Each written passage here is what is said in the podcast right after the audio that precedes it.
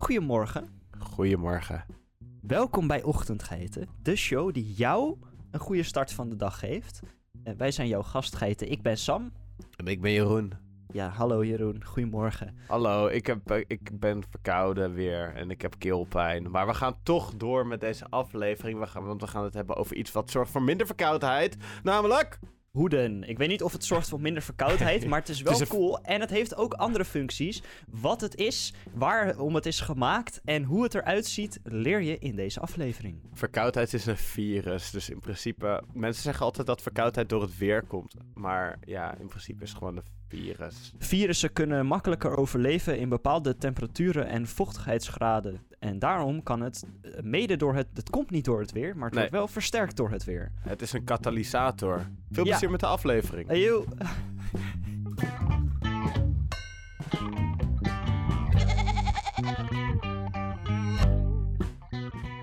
Ben jij een hoedenpersoon?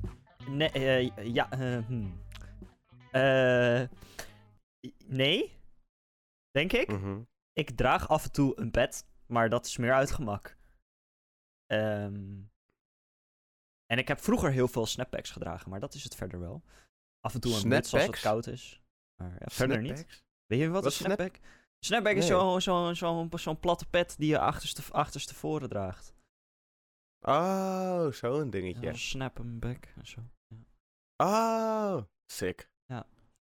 Daar heb ik er nog een aantal van. Een heleboel ben ik eh, verloren in de verhuizing. Helaas. Maar ik draag ze ook niet echt vaak meer. Alleen als mijn haar net even iets te lang is en ik geen zin heb om er iets mee te doen, dan... Dat, uh... dat, dat is meestal wel het moment dat je dat inderdaad draagt. Nee, ik zou zelf zou ik graag een hoedenpersoon willen zijn. En ik heb ook ooit de, die transformatie eh, geprobeerd te maken toen ik in het mooie land genaamd Oostenrijk was. Heb ik een mooi hoedje gekocht. En dat werkt heel leuk voor als je op vakantie bent. maar daarnaast kijkt toch iedereen je een beetje aan van... Ja, maar Jeroen, eh, wat ben je nou aan het doen, joh?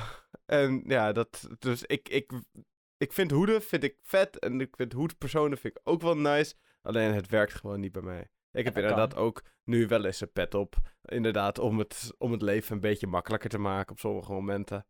Maar als jij je gewoon een hoed wil dragen, moet je dat gewoon doen.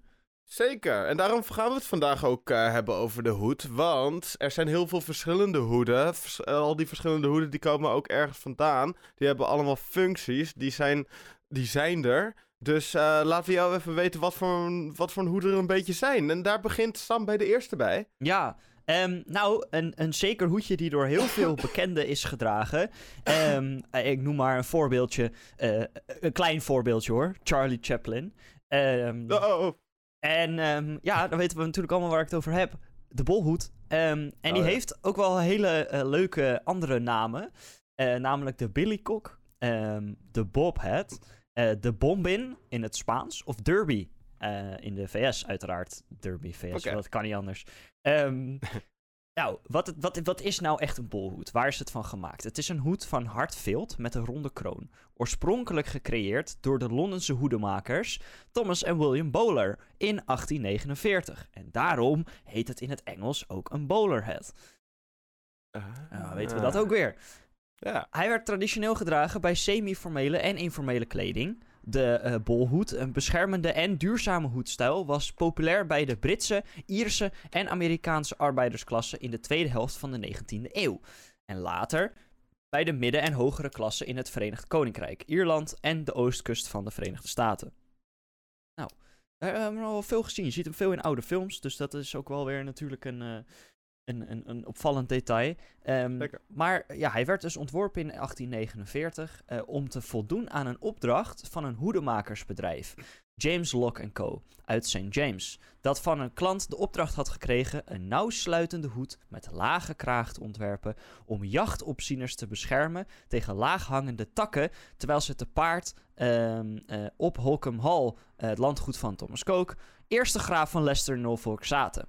Nou, die vond dat heel belangrijk en die dacht, hè, mijn, mijn, mijn, mijn uh, mannen te paard moeten beschermd worden tegen de takken die uh, dat in hun gezicht zwiepen.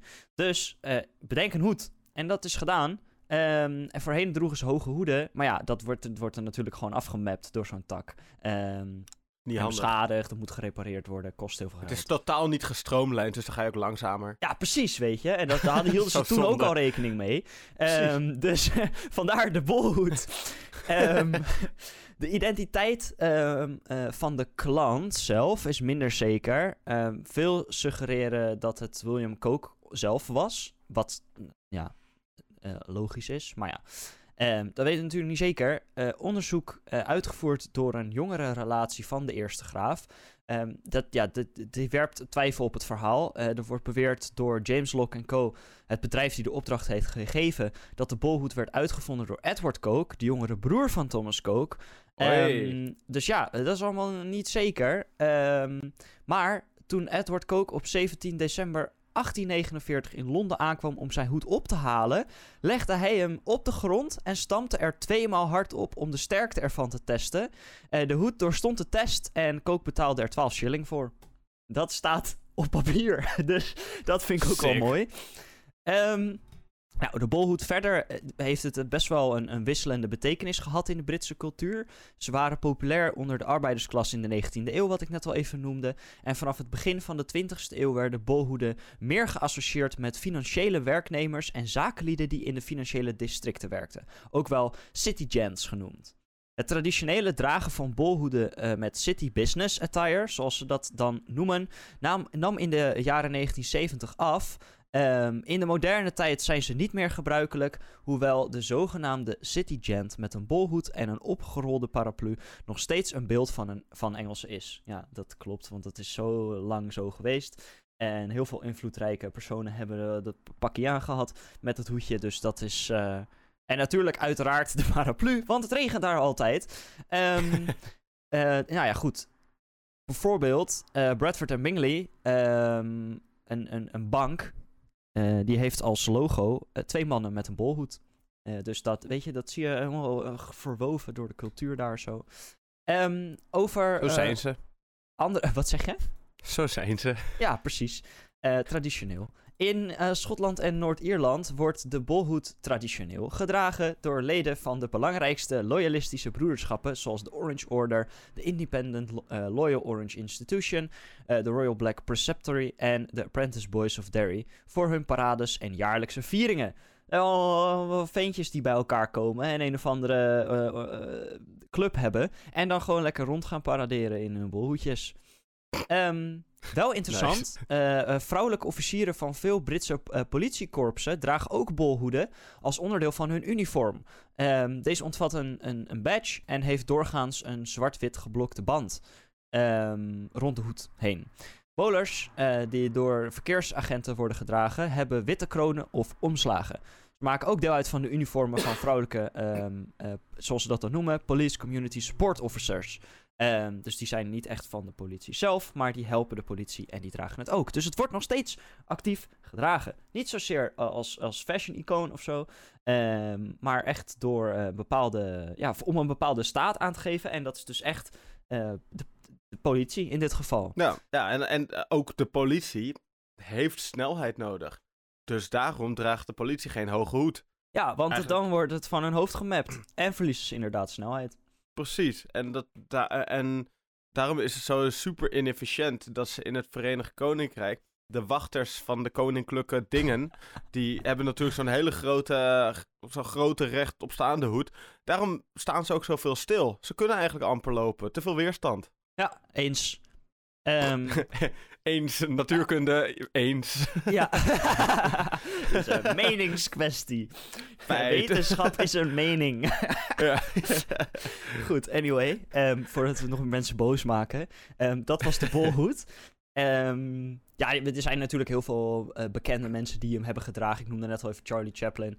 eh, John Cleese ook. Ja, in Mary Poppins film, uit de oude film uit 1964... ehm, heeft de bankier uiteraard zo'n hoedje op. Nou, je ziet het in heel veel films, boeken, Ja, noem het maar op. Series en zo. Eigenlijk Alles, alles, wat een beetje wat- uit die tijd afspeelt. ja, maar Dat ook heel ook veel zeggen? dingen die verwijzen naar Engelse cultuur. En dat is, Ja. eh, ook al is het modern, ehm, worden er alsnog eh, heel veel bolhoeden eh, verwezen om echt een bepaalde Britse Stereotype. sfeer aan te geven. Ja, het stereotype. Lachen. Nou, ik ga het denk ik hebben over... Ja, denk ik, ben wel zeker dat ik het ga hebben over een andere route die ook een mooi randje heeft. Maar ik denk toch wel dat dit mijn favoriete hoed is. Sam, wij hebben, de, wij hebben eerder een gesprekje gehad uh, afgelopen week over wat onze favoriete hoeden, uh, hoeden zijn. Wat was die van jou ook alweer? Een roze deadhead. Oh, denk ja, ik. Ja. Maar dan heb ik het over favoriete hoeden die ik zelf zou dragen. Um, als ik gewoon een, een favoriete hoed in het algemeen zou zeggen, dan kan ik het stokje beter aan jou geven. Want dan heb jij, denk ik, uh, naar mijn mening, het beste antwoord. Hell yeah, de Stetson hoed. Want dat is die, uh, de mooie cowboy hoed. Die je kent van uh, vele cowboyfilms. En het leuke achter die hoed, wat echt wel een soort van... De hoed, die staat echt een beetje voor de goede Amerikaanse tijden. Die... Ja, die heeft voor ja, voor de, de Amerikanen zijn er heel erg trots op. Ik weet niet of, ja, ehm, of wij het heel goed moeten vinden. Maar... maar... we weten allemaal uit de geschiedenis dat als de Amerikanen ergens trots op zijn, dat dat niet per se betekent dat het iets goeds is. Vaak het tegendeel, inderdaad. Voor, de, voor Amerikanen, jee. Voor de rest van de wereld en vooral voor de mensen die, die wonen op de plekken waar de Amerikanen jee over denken, is het inderdaad een grote nee. Zo ook uh, in de tijd dat uh, meneer John Batterson Stetson leefde. Want daar is de hoed uiteindelijk naar vernoemd. En ik vind hoe ze bij de hoed gekomen zijn, of tenminste hoe hij bij, het hoed bij de hoed gekomen is, ik best wel een mooi verhaal. Want hij was de zoon van een schoenmaker. Hij leefde in 1830, tenminste, toen is hij geboren. Dus hij leefde toen ook. En. Dat hoop ik wel. Was gewoon, was gewoon ja, hij wist wel een beetje het een en het ander af van hoeden. Maar toen hij twintig was, toen kreeg hij een best wel vervelende diagnose te horen van zijn dokter. Hij had namelijk tuberculose. En hij zou ook niet meer heel erg lang te leven hebben. dus daarom besloot hij naar het westen van de Verenigde Staten te, uh, te trekken. Omdat hij bang was dat hij dit nooit in zijn leven zou zien. En hij wilde het westen wel heel graag zien. Dus op die manier kwam hij terecht in Colorado. En hij kwam daar terecht tussen de goudzoekers. En ja, hij ging, hij ging maar niet dood. maar het regenachtige weer eh, in de bergen, dat verslechterde wel zijn conditie heel erg. Dus hij zocht naar manieren om zichzelf te beschermen.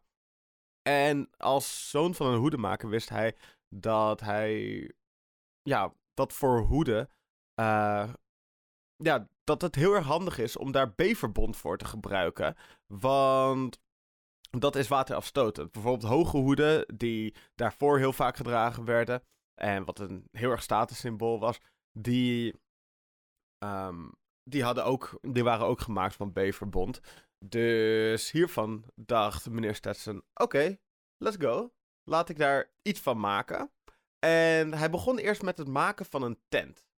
En deze tent die was gewoon volledig gemaakt van beverbot. Maar daar kan je niet de rest van je leven in blijven zitten. Tenminste, dat kan wel, maar ga je geen goud vinden en de wereld zien. Dus ja, je wil iets meenemen. Dus zo heeft hij een hele mooie hoed uh, bedacht. Met een hele dikke rand eromheen. En ja, dat heeft hij eigenlijk ook met name een beetje. Het is en om zichzelf te helpen, maar ook voor de gein heeft hij dat gemaakt. En hij bleef die hoed dragen.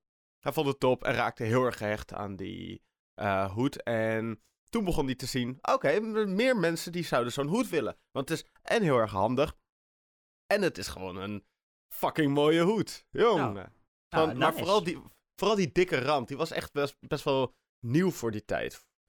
En zo heeft hij zijn eerste cow, echte cowboyhoed gemaakt. Dat was zijn allereerste ontwerp, die ook The Boss of the Plains heet. Dus de baas van de vlaktes. En... Dat is zo'n epische naam voor ja, een hoed. I know. dat is echt iets wat je in een, in een Red Dead game zou vinden of zo. Ja, precies. en uh, deze voldeed aan een aantal conventies betreffende het maken van deze weer, uh, weerbestendige hoeden. hoeden Namelijk, uh, de hoed kreeg een tamelijk hoge kroon. En dat is dus een grote ruimte aan stilstaande lucht boven in de hoed. Die namelijk een isolerende werking heeft. En dus heel erg goed beschermt tegen de kou. Uh, de hoed kreeg dus ook een brede rand, zoals we ze ook uh, vandaag de dag kennen. En deze beschermt de drager tegen zowel zonlicht als regen. En het bondvilt uh, van, in dit geval de bever, werd het materiaal waar het mee gemaakt werd. En dat maakt de hoed ook heel erg licht van gewicht. Terwijl het toch heel goed de vorm kan behouden. En het kan ook heel erg goed hersteld worden wanneer de schade optreedt aan, aan de hoed zelf. En het heeft ook eigenschappen om te drogen uh, in de vorm waar het in gevormd is. Dus uh, mensen. En, en je kon het ook een beetje veranderen. Dus je kon het echt een beetje tailor-made maken voor jezelf. En het is gewoon super handig dat er zowel naar regen wordt gekeken, naar kou wordt gekeken, naar goede isolatie wordt gekeken en naar zonlicht. Dus het is echt een geweldige invention. Dus het zijn alle dingen die nodig waren daar. Ja, precies. Precies, en dat is een stuk handiger voor... Uh, ik bedoel, dan die hoge hoeden. Want die hoge hoeden waren in principe gewoon alleen maar statussymbolen. En om ervoor te zorgen dat je, dat dat je niemand je kale kopjes ziet. maar dit is echt gewoon goede shit. Dus uh, Stetson die besloot die hoed te gaan produceren en te promoten.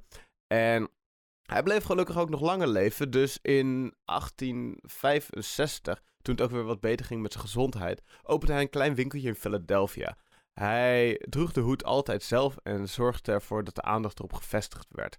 Ook maakte hij gouden kenmerken in zijn hoed, waar, het, waar uiteindelijk veel heeft bijgedragen aan de benaming Stetson. En daarmee was het trouwens ook de eerste, ja, een van de eerste vorming, vorm van kledingmerken. Want dat zag je daarvoor niet. Uh, je zag daarvoor niet uh, wie het precies gemaakt heeft. En dit is wel een van de eerste vormen dat het er echt zo groot op staat. Oké. Okay. En uh, in de eerste instantie was Stetson vooral gericht op het verkoop van zijn hoeden in het westen, omdat de goudzoekers er natuurlijk behoefte aan hebben met alle weersomstandigheden. En dat bleek ook zeker een juiste inschatting, want het was een hele populaire hoed onder de cowboys en onder de goudzoekers. En daarom kwam het ook bekend te staan als de cowboyhoed. En omdat de hoed, uh, de hoed vrij duur was, werd hij bovendien ook een statussymbool.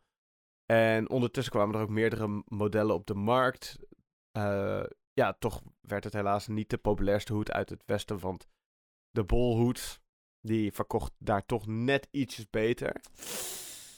Helaas, maar ik ben wel heel erg blij dat de Cowboys en de goudzoekers hiervan hebben kunnen lopen te genieten. Uh, en ja, desalniettemin had Stetson ook heel veel succes met het, uh, met het snel uitbreiden ervan. Want uh, in 1986, dat is dus even kijken hoeveel jaar, dat is 21 jaar nadat hij dus voor het eerst zijn hoede op de markt heeft gebracht werd de John B. Stetson Company de grootste hoedenfabrikant ter wereld. En in het begin van de 20e eeuw werd vervolgens in het Westen ook het populaire filmgenre cowboyfilms werd steeds groter. En dus zorgde er ook voor dat uh, cowboyhoeden, net als spijkerbroeken, ook buiten het Westen een heel groot succes werden. Dus het werd eigenlijk daarvoor nog niet echt buiten het Westen gebruikt. Maar door de populariteit van die films dachten mensen op een gegeven moment: let's go, zo'n hoedje, wil ik ook. Hoppatee.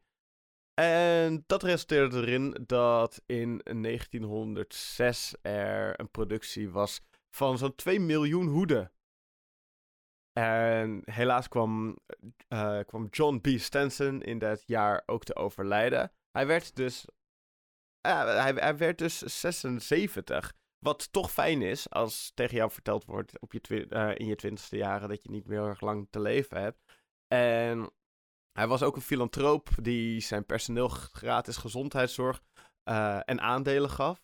En hij stichtte daarbij ook een universiteit en een ziekenhuis uh, op. Dus naast dat de man hele mooie hoed, hoed heeft gemaakt, die heel erg goed geholpen heeft bij het werk van heel veel mensen, heeft hij ook een universiteit en een ziekenhuis eh, gesticht. En was hij gewoon een, een goed persoon, denk ik. In hoeverre ik het weet.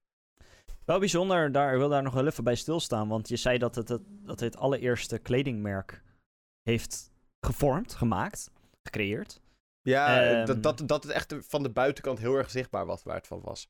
Ja, ehm, terwijl als je kijkt naar moderne kledingmerken en hoe die hun personeel eh, letterlijk uitbuiten. ehm, en wat een contrast dat is met deze man. Wil Ja, even, bij stilstaan. Die andere eh, die...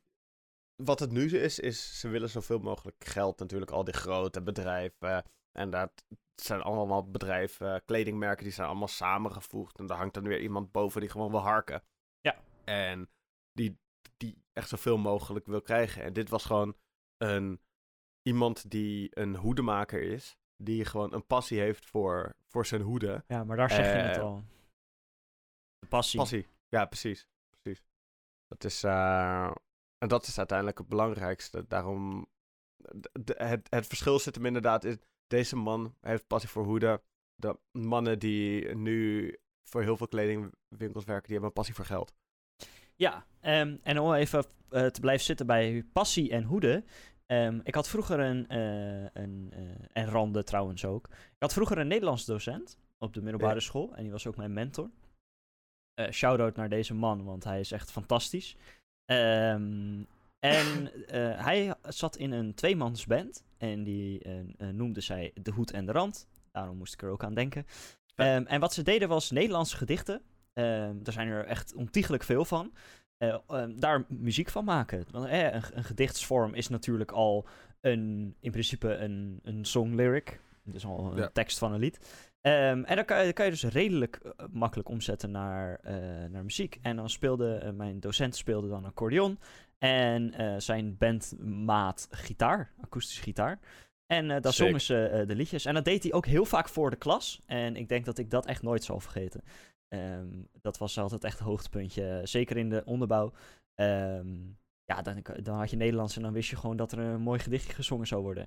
En als je 12, 13 v- bent, dan denk je, ah joh, eh, eh, op zich wel leuk, maar whatever. Maar Ja. als ik er nu op terugdenk, dan is het toch wel heel bijzonder. Eh, Ja, dus sh- ik- shout-out naar deze man. Eh, Shout-out nu die man. Ik had ook een, inderdaad in de, in de brugklas had ik een Nederlands docent ook. Die ging altijd op de tafel staan en daar ook liedjes zingen en zo. het zijn dus- altijd die Nederlands docenten die... eh, Knettergek. ja, heerlijk. Ehm, hey, en ehm, even om. eh, ik, wou het, ik, wou het, ik kon het bijna mooi, mooi doen om te hangen, blijven hangen in passie en dan naar passievrucht. Maar we gaan niet naar passievrucht, maar wel naar andere vruchten. Ja, ik zat want al te denken, van, een, eh, wordt dit een overstapje naar iets met passievrucht erin? Maar Eh, Ja, het was leuk geweest, maar ik heb wel andere soorten fruit. Eh, want ik dacht, het is mooi weer. Het is echt potverdorie mooi weer. En af en toe regent het, maar ja, weet je, eh, boeien. Het gaat om de momenten dat de zon schijnt. En, ehm, eh, tenminste, die zijn het belangrijkste. En ehm, eh, lekker fruit. Wat nou? Goed, wat ga je maken? Een smoothie, uiteraard. Ehm, en ik dacht, gewoon veel fruit. Alleen maar fruit eigenlijk. Dus je hebt nodig aardbei, banaan, abrikoos, nectarine en vers sinaasappelsap. Niet uit concentraat. SVP, want dat is gewoon zonde. Ehm, dan pureer je gewoon je, je, je, je banaan uiteraard uit de schil. En eh, je gewassen aardbeien eh, met een staafmixer is ideaal. Tot een, een mo- mooi mengseltje.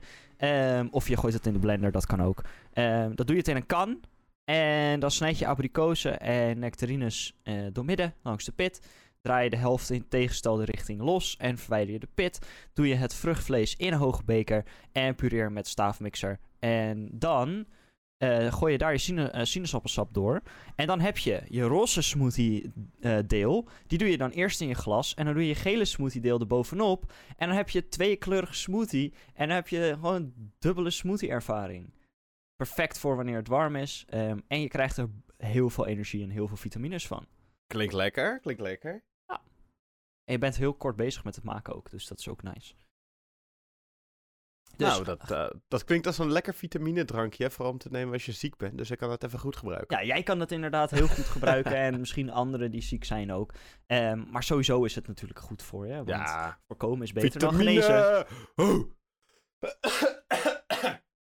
ja, dat dus. Ehm, hey, ehm, hadden we het net over een heleboel hoeden eh, met randen. En wil ik het nu even over een, een hoed zonder rand hebben. Ja, deze staat echt bekend om zijn, eh, het missen van een rand. ja, inderdaad. Eh, de VES. En dit is een, een, het, het is een bijzonder iets en er zit heel veel geschiedenis aan vast. Dus ik ga het gewoon een beetje vertellen. ehm, want het is echt het, heel bijzonder hoe dit helemaal verwoven is in, in, de, in de geschiedenis van een, van een land. Ehm, het is in ieder geval een, een, een hoofdtooi, uiteraard, van twee types.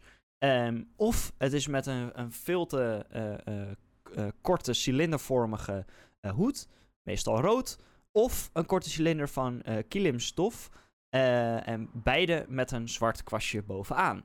Over het algemeen zijn variaties, maar daar ga ik niet over hebben, want dan ben ik eindeloos bezig. Ehm, interessant is dat de naam Fes, ehm, om daar meteen mee met de deur in huis te vallen, verwijst naar de Marokkaanse stad Fes. Ehm, en daar werd de kleurstof voor de hoed gewonnen uit bessen. Ehm, en de oorsprong wordt nog wel een beetje betwist. ehm, want er is echt een heleboel onduidelijk over deze hoed. Of hij is van Oud-Griekse, Tunesische, eh, Marokkaanse. of zelfs eh, Turkse oorsprong. Ehm, Oh, Hij was Ja, vooral dat is wel een verschillende plek. ja, precies. Ehm, wel rond elkaar, maar alsnog. Hij is vooral populair, eh, of hij was vooral populair tijdens de latere periode van het Ottomaanse Rijk. En het gebruik ervan verspreidde zich over het hele Rijk en veel van zijn populariteit stamt uit dit tijdperk. Goed om te weten. Ehm, de Fes werd een symbool van het Rijk in het begin van de 19e eeuw. Ehm, in 1827 namelijk had je Mahmoud II. En ehm, ja, die, die vond dat zijn leger, zijn nieuwe leger, eh, deze de Fes als moderne hoofdtooi moest gaan dragen. Eh, dus hij verplichtte dit. Ehm, het besluit was ingegeven door eh, de Ottomaanse zeeleiding. die eerder terug was gekomen en de stijl had omarmd. In, twee jaar later, in 1829, vaardigde Mahmoud eh, nieuwe eh, verordeningen die uit het... Die, ah, jezus, verordeningen uit die het gebruik van de vest door alle burgerlijke en religieuze ambtenaren verplicht stelden. Dus iedereen moest het gaan gebruiken, niet alleen het leger. Ehm, de bedoeling was de tulband te vervangen, die als identiteitskenmerk fungeerde en de bevolking eerder verdeelde dan verenigde. De vest werd vervolgens in 1925 in Turkije verboden als onderdeel van de hervormingen van Atatürk, de eerste Tur- Turkse president. Ehm, de VES is eeuwenlang gebruikt als onderdeel van de uniformen van soldaten in vele legers en oorlogen. Ehm, dus dat is ook wel handig om te weten. Ehm, aanvankelijk was deze hoed, de VES, een randloze rode, witte of zwarte muts waarover een tulband was gewikkeld. En eh, later werd de tulband afgeschaft, de muts ingekort en de kleur op rood gezet. Eh, eh, bidden terwijl men nu ben een- jij rood. ja, precies. Dat heeft dus met die bessen te maken. Ja. Bidden terwijl men een vest draagt in plaats van een hoofdtooi met rand was gemakkelijker omdat moslims hun hoofd op de grond staken tijdens dagelijkse gebeden. Ehm, dus dat is, heeft ook nog een functie. Ehm, andere naam voor ves is ook wel tarbush. En eh, deze werd al rond 1460 afgebeeld als een element van Turkse kleding. Dat is een tijdje geleden. Ehm, met, met de veroveraar droeg een met juwelen versierde tarbush, eh, gewikkeld in een witte sarik om zijn eh, recht op de verovering van Constantinopel aan te geven. In 1826 onderdrukte Sultan Mahmud II, ehm, die ik net al even noemde, en, en nou ja, van het Ottomaanse Rijk eh, de Janitsaren en begon dus met ingrijping, hervormingen van het leger. Ehm, daarin hadden ze buiten de VES als hoofddeksel ook eh, uniformen in westerse stijl. Ehm, wat ook wel interessant is, dat in 1827, een jaar later, 50.000 vessen uit Tunis besteld werden voor de troepen van de sultan. Dat zijn er een heleboel.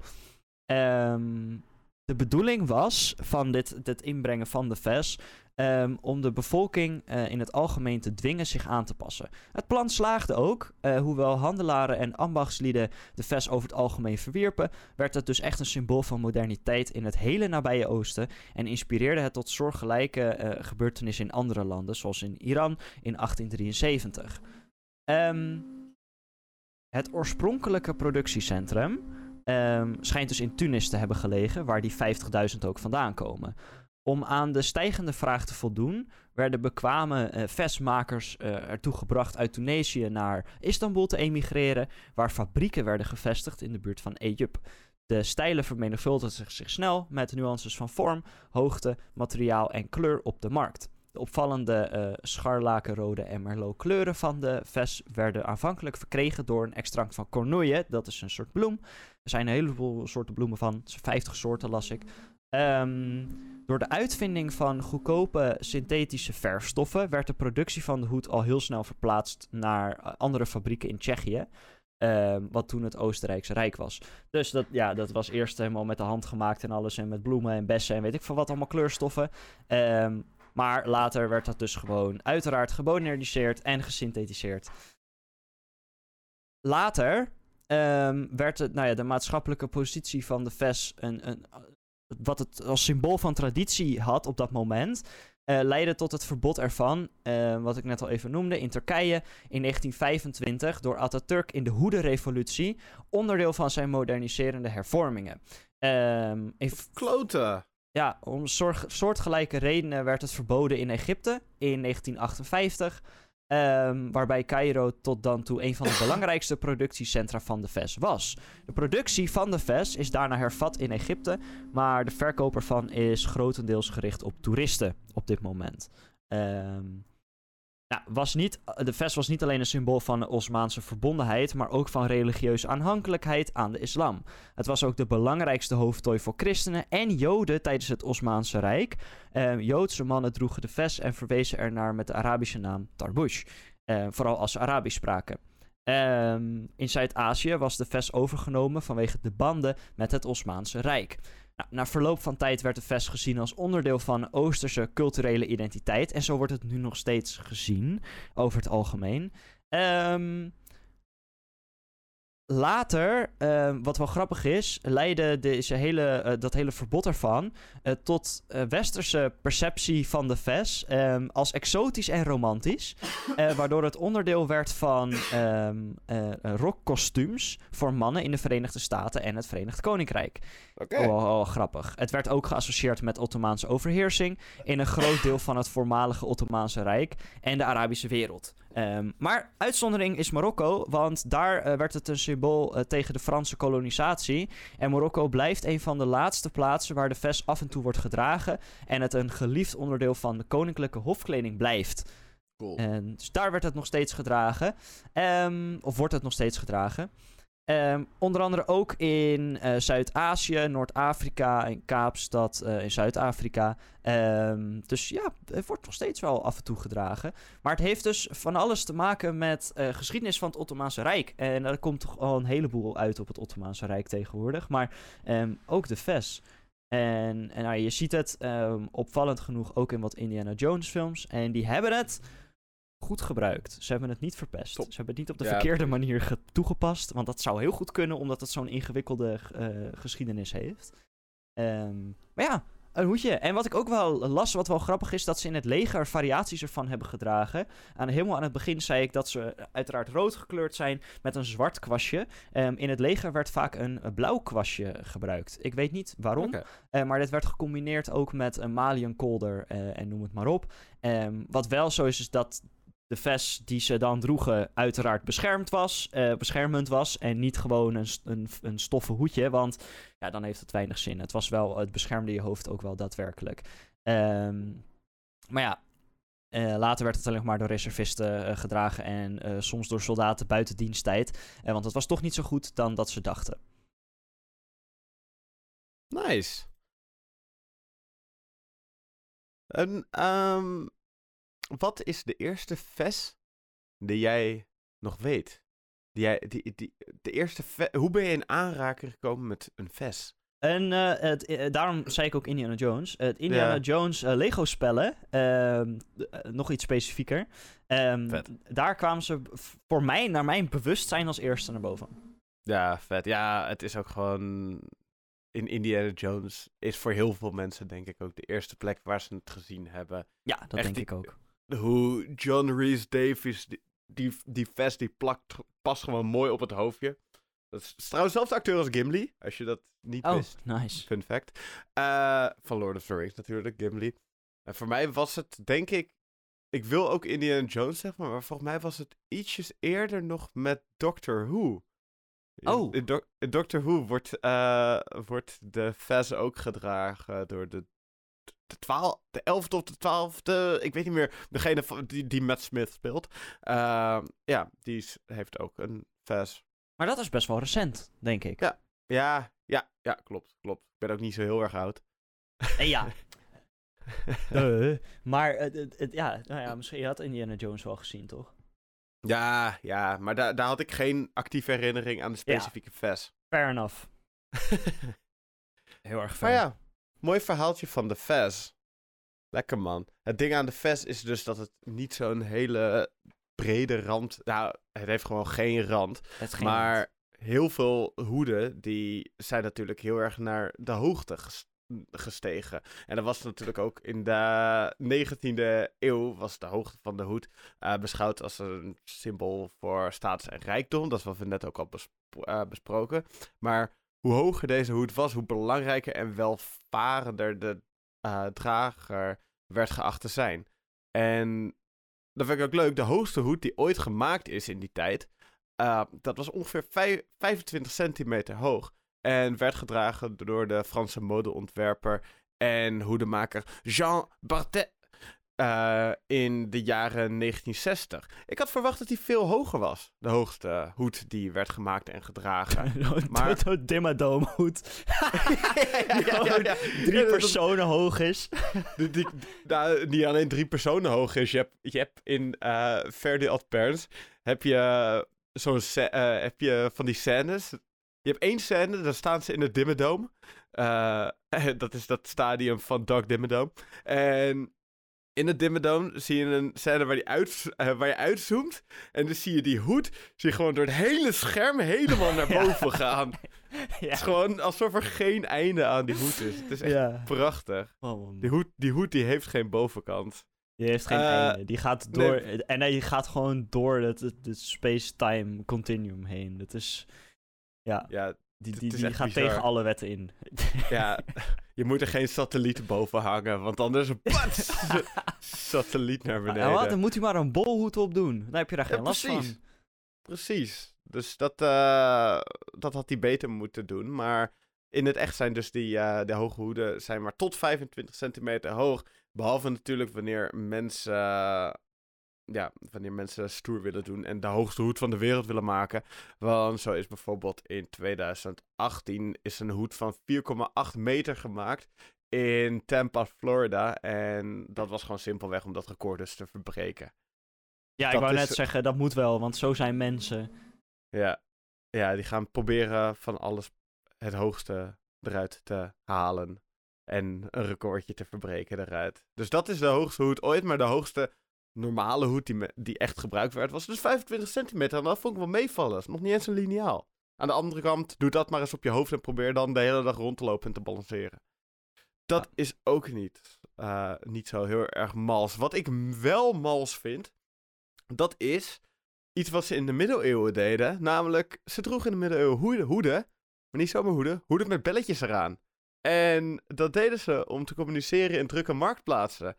Dus het was een manier om zichzelf hoorbaar te maken in een tijd dat er nog geen microfoons of luidsprekers waren. En het was vooral handig voor eh, handelaren en handwerklieden die hun waren wilden verkopen. En dus om zo'n belletje dat op je hoed zit te laten rinkelen, kan het eventueel de aandacht trekken van die potentiële klanten. En dan kan je het op die manier eh, kan je voor nieuwe mensen zorgen. En het werd daarnaast werd het ook gebruikt om eh, kwade geest op afstand te houden. En ja, het, het beschermde ook eh, tegen boze ogen. Enge boze ogen. Domme boze ogen. Dat is eh, boos- boze ogen als in de, de, de spoken of boze ogen denk- van mensen. de boze ogen van mensen. Ik bedoel, waarom kan je nou boos kijken naar iemand met belletjes op de hoede? Ja, Ja, daar kan je niet boos om worden. nou misschien vind je het wel heel vervelend. Dat ja, maar dat is een jij-probleem. ja, dat klopt. ik kan me Maar natuurlijk dan- herinneren van de, van de Jesters, de, eh, het, het, het, het klassieke eh, de- ja, hofnar, dat is het Nederlandse woord ervoor, die met zo'n, eh, eh, nou, in ieder geval vaak afgebeeld worden tegenwoordig, met zo'n hoed met twee van die belletjes. Ja, ja dat klopt. Ja, dat, dat is ook tegen de beschermer, tegen de boze ogen. Ik zat net te denken van, je hebt dan die dan als bescherming voor boze ogen. Maar de enige manier hoe jij boze ogen krijgt, dat is omdat je die belletjeshoed hebt. Dus in principe is het een paradox. ja, je inderdaad. krijgt boze ogen doordat je die belletjeshoed hebt, maar...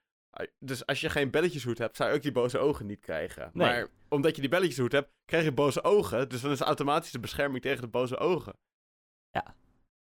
Ja. hey, weet je wat ook leuk is?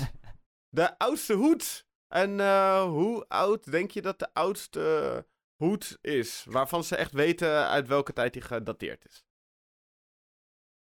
Eh 1200 jaar geleden. Ouder. Ja, oké.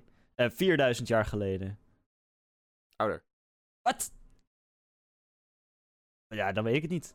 Dan kan, dan Jawel. kan het echt alles zijn. Oké. Het is... eh, ik ga gewoon zo lang door. Nee, het is 3200 voor Christus. Wat? En dat, het werd gebonden in het... eh, in Thebe. Dat is een plekje in Egypte. Fair enough.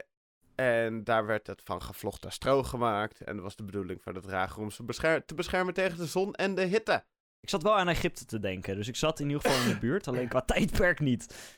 Maar ik, denk, eh, ik denk altijd wel een beetje aan Egypte. ja, snap ik. Daar komt de moderne ma- maatschappij toch wel vandaan. Dus ja, Ja, maar ben je er ook ooit geweest? helaas niet. Ik ook niet. Ja, ik wil er wel heen, maar ik- veel toerisme of, of toeristische eh, dingen en zo. En daar heb ik een beetje een hekel aan. Ik wil gewoon kunnen genieten van wat daar is, maar niet als er iemand constant in mijn oor schreeuwt. Met, ah, wil jij eh 6 miljoen euro betalen om deze tour te krijgen? Weet je, dat, nee, fuck dat. Ik heb er geen zin in. Dus, maar... Kan, kan, je, kan je jezelf niet een beetje afweren daartegen? Nee, daar niet. Nee, want er zijn constant mensen de hele tijd om je heen die alleen maar proberen over te halen. Ehm, dus nee. Als er gewoon een kraampje staat of zo, dan whatever. Maar dat is niet. Nee, dat is niet hoe het daar gaat.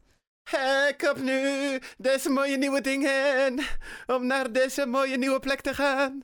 Ja, prima. Weet je, doe je ding. Eh. Uh, Het is gewoon ambience. Alleen als er iemand de hele tijd naar je toe komt en zegt van... Ja, ik ga je tour geven. En dan is het super duur. En, Eh, nee, gewoon niet. Laat, laat mensen gewoon genieten. En dat is in, in Cairo specifiek wel heel erg. Nou, leuk. Nu gaan we denk ik over muziek praten of zo. Ja, waren dat de mooie feitjes over hoeden? Ja, ik heb er maar Ehm, drie. Nou, dat zijn toch mooie feitjes. Nou, hey. Het zijn zeker mooie feitjes. Lekkere liedjes om mee af te sluiten.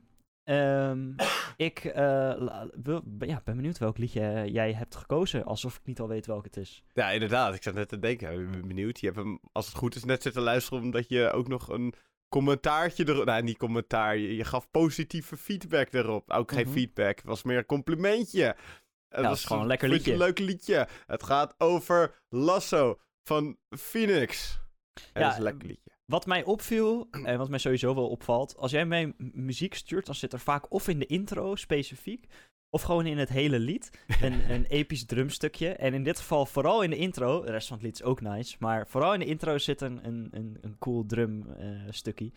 Ja, man. Het, het is echt een nummertje waarbij je gewoon lekker in de flow mee kan gaan. En dit is nu geen heftige drum of zo. Het is gewoon zo'n lekkere drum waarvan ik, ik... Ik heb de bladmuziek daarvan als drummer zijnde.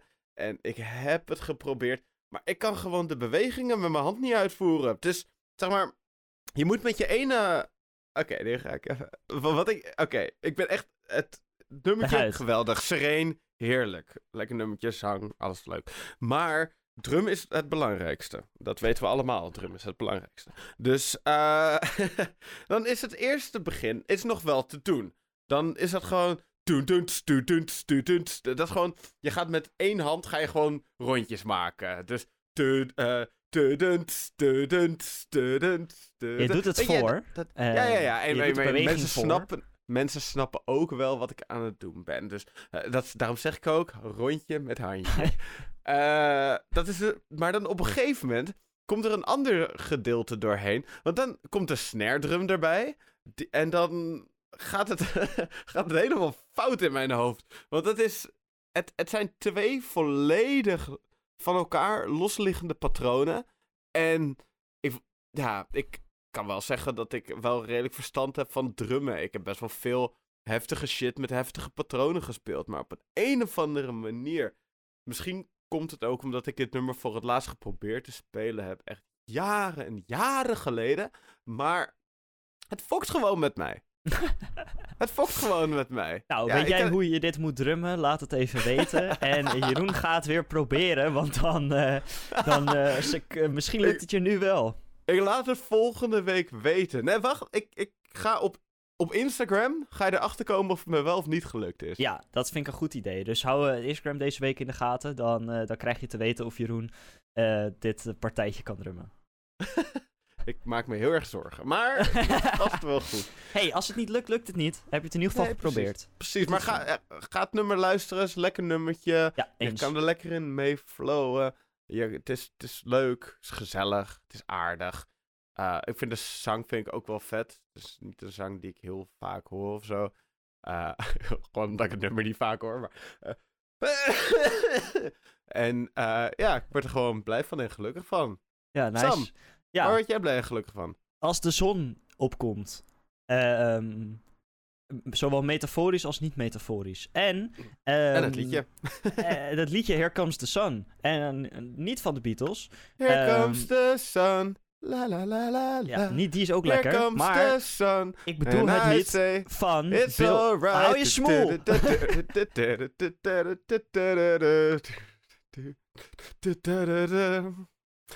Little darling. Oké. Sorry, ga verder, Sam. Ja, weet zeker. Ja, het, is ook, het werkt allemaal, ook met mijn keelpijn nu, werkt het allemaal gewoon net niet mee. Het is oké. Moet ik het juist nu gaan doen? Dat is echt heel erg fijn om nu te gaan zingen met keelpijn. Bill, comes the sun. Ah!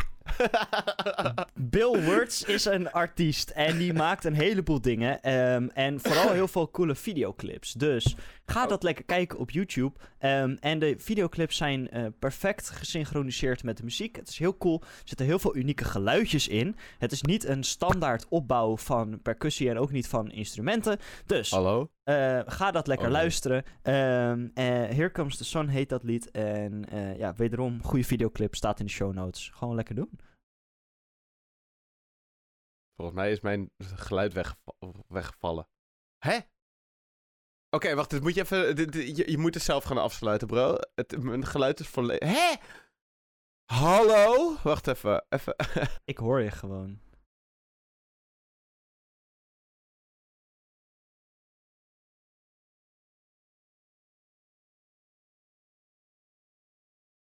Hallo, ben ik nu weer hoorbaar? Ja, ik was op een gegeven moment. Mijn, eh, mijn levels gingen uit. Terwijl jij me wel hoorde. En ik zag ook dat jij me wel hoorde. Dus het was heel raar. Hij staat weer aan. Oké. ehm, Ja? gaan we weer verder. Tot volgende week. waarom, dit, waarom dit zo vervelend is, is omdat mijn geluid was een soort van weggevallen. En dat ging helemaal paniekerig en chaotisch. Dus dat is er nu allemaal uitgeknipt. Maar daarom tot volgende week. ja, nou, doei, veel plezier.